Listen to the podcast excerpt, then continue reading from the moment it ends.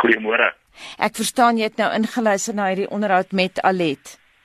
Ek het inderdaad en dit is 'n baie interessante onderwerp gewees. Kom ons kyk gou-gou wat sou die Malan familie se opsies nou wees vanuit 'n regsoogpunt. Wel, Anita, mis, miskien moet ons dit uh, opdeel in 3 potensiële opsies wat tot hulle beskikking is. Ek weet baie mense vra die vraag is hierdie nie 'n geval van moontlike kriminologie nie. As 'n mens kyk na die definisie van kriminologie, dan bestaan dit en ek moet ongelukkig regsterme gebruik want dit is die enigste manier hoe die reg daarna gaan verwys. Dit bestaan uit die onregmatige en opsetlike en ernstige inbreukmaking op 'n persoon se dignitas of privaatheid van iemand anderste. Nou, as 'n mens daarna kyk, dan sou daar sekerlik 'n saak uitgemaak kan word dat hierdie dalk kan neerkom op kriminologie. Nou hierdie dignitas waarvan die reg baie keer praat, gaan maar oor 'n mens se menswaardigheid, sy selfrespek. Ehm um, daardie uh waardevolle en serene toestand van 'n persoon se sosiale en privaat lewe waarin uh waar dit baie keer inbreuk maak gemaak word deur averse en degraderende behandeling of minagting of vernedering of spot en dies meer. Nou weer eens is daar 'n onderskeid tussen die privaatheidskending en die dignitas skending. Nou dignitas is 'n sambreel term wat al hierdie goedes insluit waarna ek sopas probeer verwys het. En die reg kyk beide subjektief en objektief na hierdie twee.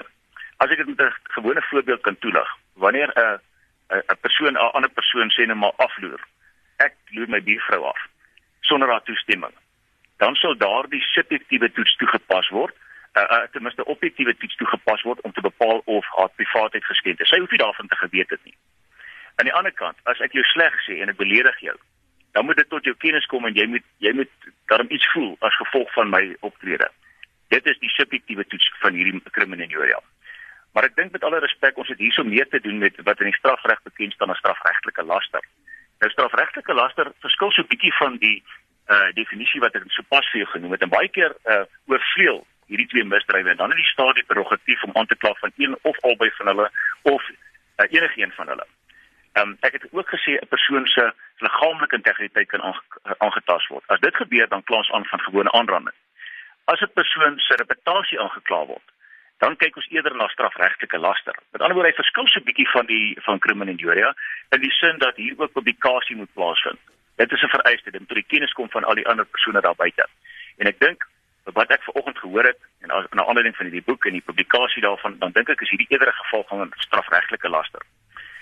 Die reg onderskei verder, ook met soveel regtelike laster. Nou die onderskeid tussen die twee is uit die aard van die saak en een gaan 'n mens uh, dagvaar vir geld en vir skadevergoeding, terwyl in die strafregtelike laster geval ons hier te doen het met 'n geval waar die staat jou gaan vervolg vir 'n moontlike misdaad wat jy gepleeg het. Uh die reg is nie baie geneem om mense deesdae mee aan te kla van strafregtelike uh, uh laster nie. Ek weet in die ou dae het ons graag vir hoë profiel mense tog daardie stappe geneem en mense aangekla. Maar dit is 'n dit is 'n miskien 'n argaïese tipe van misdaad en die reg verwag deesdae van persone om eerder die siviele howe te nader en te vra vir skadevergoeding in 'n geval soos hierdie waarmee ons nou te doen het. Maar as iemand dood is? Wel, dit beteken nie die die die die persoon se familie uh kan nie moontlik uh, beledig voel nie uh as gevolg van hierdie optrede. Onthou, hulle het ook 'n reputasie. Hulle het ook 'n uh, uh, menswaardigheid en ek is sekerlik sal ek myself 'n saak kan uitmaak om te sê maar ten minste direk of indirek is daar 'n handeling wat hulle moontlik kan raak en uh, dit kan dit kan elke moontlik op daardie basis uh, die hoof siviele hoof benader maar ek dink die strafrek gaan verseker nie baie maklik betrokke raak nie. Llewellyn, wat as jy nie 'n goeie naam het om te belaster nie? Onthou jy ek het gesê daar's 'n paar elemente in hierdie uh, in hierdie definisie waarvan een byvoorbeeld opset is. Uh en die reg sê wanneer jy 'n verweer het waarheid en openbare belang, regsprivilegie of billike kommentaar, dan is dit 'n volledige verweer teen uh so so saak, siviel regtelik sowel as strafregtelik, want dit sal daardie element van opset moontlik uitsluit. Kan jy iemand belaster as jy kan bewys wat jy sê? Wel, as jy dit kan bewys, dan bring dit my binne die kader van hierdie waarheid en openbare belang, want as jy iets bewys, dan is dit tog die waarheid. En as jy die waarheid praat, dan kan jy nooit iemand belaster nie en jy kan nie in kriminele skuldig wees nie en jy kan definitief ook nie aan sivielregtelike of strafregtelike laster skuldig wees nie. Uh maar met alle respek, ek het geluister na die inset vanoggend en ek is bekommerd oor ten minste twee of drie aspekte. Een waarvan is die aard van die getuienis. Wat ek gehoor het hierso is alles gebaseer op hoorsê getuienis. Ek het gehoor, ek het wyd gelees, ek het almal na almal geluister, ek het na my vorige joernaliste kollegas gegaan en hulle insette gekry. Dit is alles hoorsê.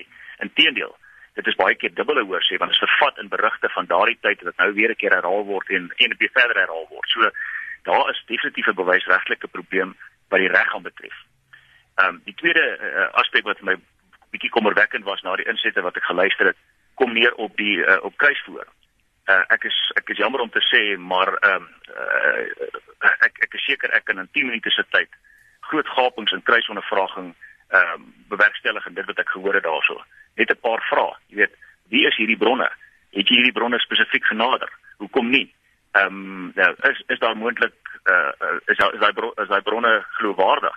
daar's daar's melding gemaak dat hierdie seer flippie byvoorbeeld van Gert van Rooyen verskeie verklaringe afgelê het dat hy reeds al uh, voor die hof verskyn het vir min ag uh, vir, vir my weet. Daardie tipe van aspekte sal de, definitief deur 'n goeie gesoute kruisondervrager uitgepleis word en ek dink dit sal daardie getuienis waarskynlik vernietig in 'n hof. So ek is bietjie bekommerd oor die bewysregtelike aspekte wat hier na vore kom. Natuurlik dit is sensasioneel en natuurlik dit is um, dit dit vir baie mense is dit uh, ek wil nie sê is uh, uh, is dit is dit baie gaan dit 'n gevoel van deurwraak bewerkstellig nie want onthou die hele gerd van Rooi en Debakel ehm um, is is letterlik ook net so oud soos wat hierdie hele storie is. Ek meen ek onthou nog in die tyd toe ek 'n kind was, was hierdie ehm um, was 'n aangrypende verhaal. Ek meen dit het nog nooit verander nie en ek dink ja, daar's min misdade in die Suid-Afrikaanse geskiedenis wat ons so graag opgelos sou hê soos juis hierdie een van Gert van Rooi en en en die Joe Jaroff Debakel. Ehm um, maar uh, dit dis dit was maar my my sentimente op dit wat ek gehoor het volgens